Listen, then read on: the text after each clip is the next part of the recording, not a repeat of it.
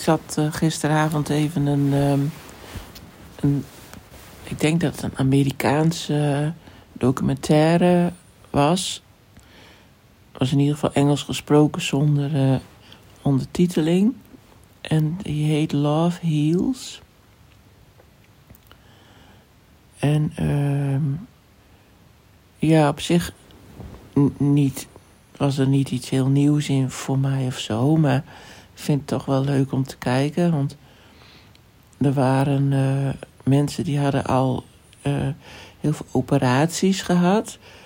Uh, een vrouw die had, die was in de veertig nog maar. Die had enorme rugpijnen gehad. En nou ja, en dan krijgen ze natuurlijk scans of zo en foto's, weet ik veel wat. En operaties aan die rug. En, maar um, die, dat hielp niet. Er werd het eigenlijk alleen maar erger van. En um, ja, die was op onderzoek gegaan naar chronische pijn. En uh, weet je wel, van wat, wat kan daar nog meer aan gedaan worden. En nou, die kwam bij allerlei energetische behandelingen uit. Wat natuurlijk soms ook wel een beetje, ja, weet je, uh, er zijn heel veel energetische therapeuten die uh, in een gat zijn gesprongen en uh, die, ja, die misschien voor tijdelijke verlichting zorgen, maar niet echt uh, de oorzaak aanpakken. En uiteindelijk kwam ze uit bij waar ik heel blij van werd. Uh, namelijk het helen van haar emoties, van haar, van haar innerlijke kind, dus van haar verleden. En uh, toen, ge, uh, die documentaire ging dus over allerlei mensen met, nou, knieproblemen. Dus knieoperatie na knieoperatie, weet je wel, wat dan allemaal niet helpt.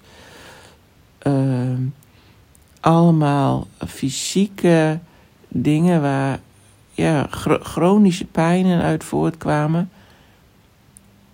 En uh, die uiteindelijk allemaal uh, erbij uitkwamen dat, dat het een uh, emotioneel probleem was. En ik vond dat heel mooi, want uh, ik, ik heb het idee dat er heel veel, ja, hoe zou je dat kunnen noemen? Beetje spirituele sprekers. Ja, zo kan je het wel noemen. Daar steeds meer bij uitkomen van. Uh, tuurlijk kun je je energie verhogen of je kan de energie beter door laten stromen en, en dat soort dingen. Dat weet ik ook dat dat zo werkt en dat het dan pijnverlichtend is. Maar als je echt even naar het aardse deel kijkt, het, of het, nee, energie is ook aards, maar ik bedoel meer de vorm, dus, dus de menselijke vorm, uh, dan heeft dat ook invloed. Want als jij uh, als kind allerlei dingen hebt meegemaakt, dan heb je daar een, uh, een onbewuste programmering van gemaakt. En in deze documentaire komt ook die Bruce Lipton, die is daar ook veel mee bezig. En die onbewuste programmering, als je die niet verandert, dan uh, blijft, het, blijft het probleem steeds weer terugkomen. En dat. Uh, uh, ze legt een heel mooi uit hoe dat werkt in je cellen met uh, uiteindelijk naar het subatomaire deel. Dat daar alleen maar energie is, dus alleen maar trilling is.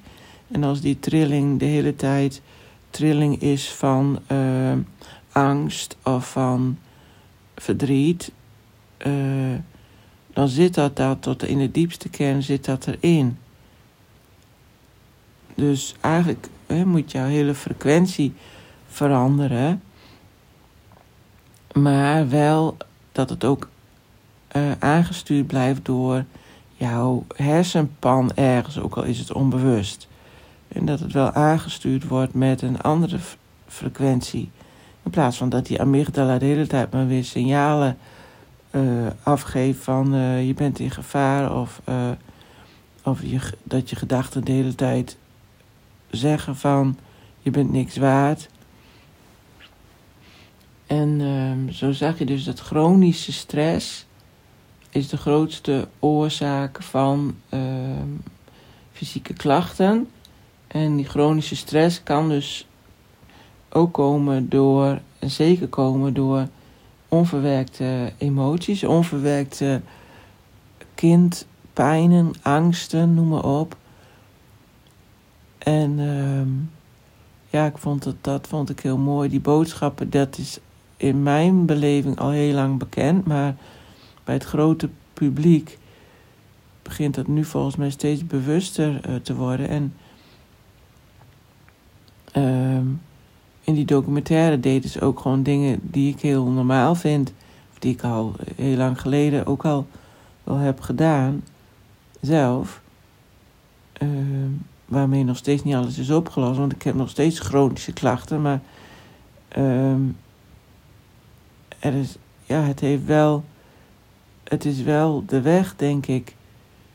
Uh, en dat doet me ook denken aan, en dat heb ik misschien al wel eens eerder verteld hoor, maar dat is dan maar zo.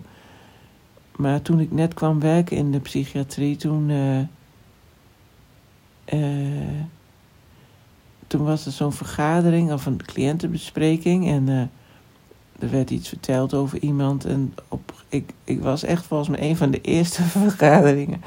En toen zei ik: Oh, maar die heeft helemaal geen contact met zijn innerlijke kind waarop die vergadering helemaal stil viel. Ja, volgens mij heb ik het dan een keer verteld, maar ja. En ik een, een schop onder de tafel kreeg van een collega.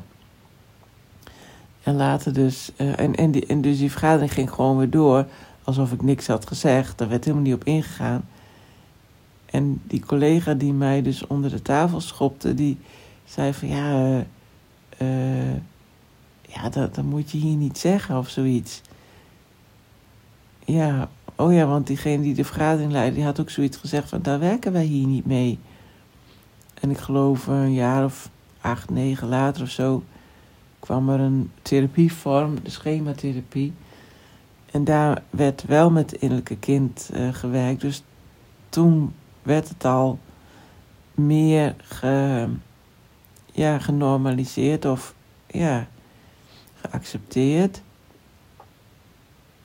En nu liggen de winkels natuurlijk vol met uh, heel je innerlijke kind en, enzovoort. Maar um, je zag in die documentaire dat die mensen. Uh, ze waren nog steeds niet echt pijnvrij, net, net als ik. Maar het er, ergste was er van af. Ze waren nog nooit zo. Um, behalve voordat die klacht ontstond natuurlijk, maar sinds ze die klachten hadden, waren ze nog, hadden ze nog nooit zo weinig pijn gehad en konden ze weer veel meer dan ze eerst konden. Sommige mensen konden eerst helemaal niet meer lopen of dit of dat. En die konden heel veel weer. En ook hadden ze nog wel een beetje pijn. Ze gingen wel door met deze, uh, op deze weg. En, en ze wisten eigenlijk van, nou ja, uh, ik kom steeds verder. Maar dit is ook al leefbaar. Wat ik nu heb is ook al leefbaar. Dat heb ik ook. Het is leefbaar. En uh, ja, nou ja, dat, dat, dat, dat vond ik toch wel weer even een, een, een, ja, een positief bericht dat dit dus ook al in zo'n documentaire is en dat het dus verder verspreidt en dat um, je dus veel meer zelf kunt, kunt helen dan je denkt. Dat je ook niet zo afhankelijk moet opstellen van de medische wereld. En uiteindelijk gaat het allemaal over zelfliefde. Love heals, zo heet het ook. Ja, ja heel, uh, hele mooie boodschap. Dus daar moest ik even aan denken.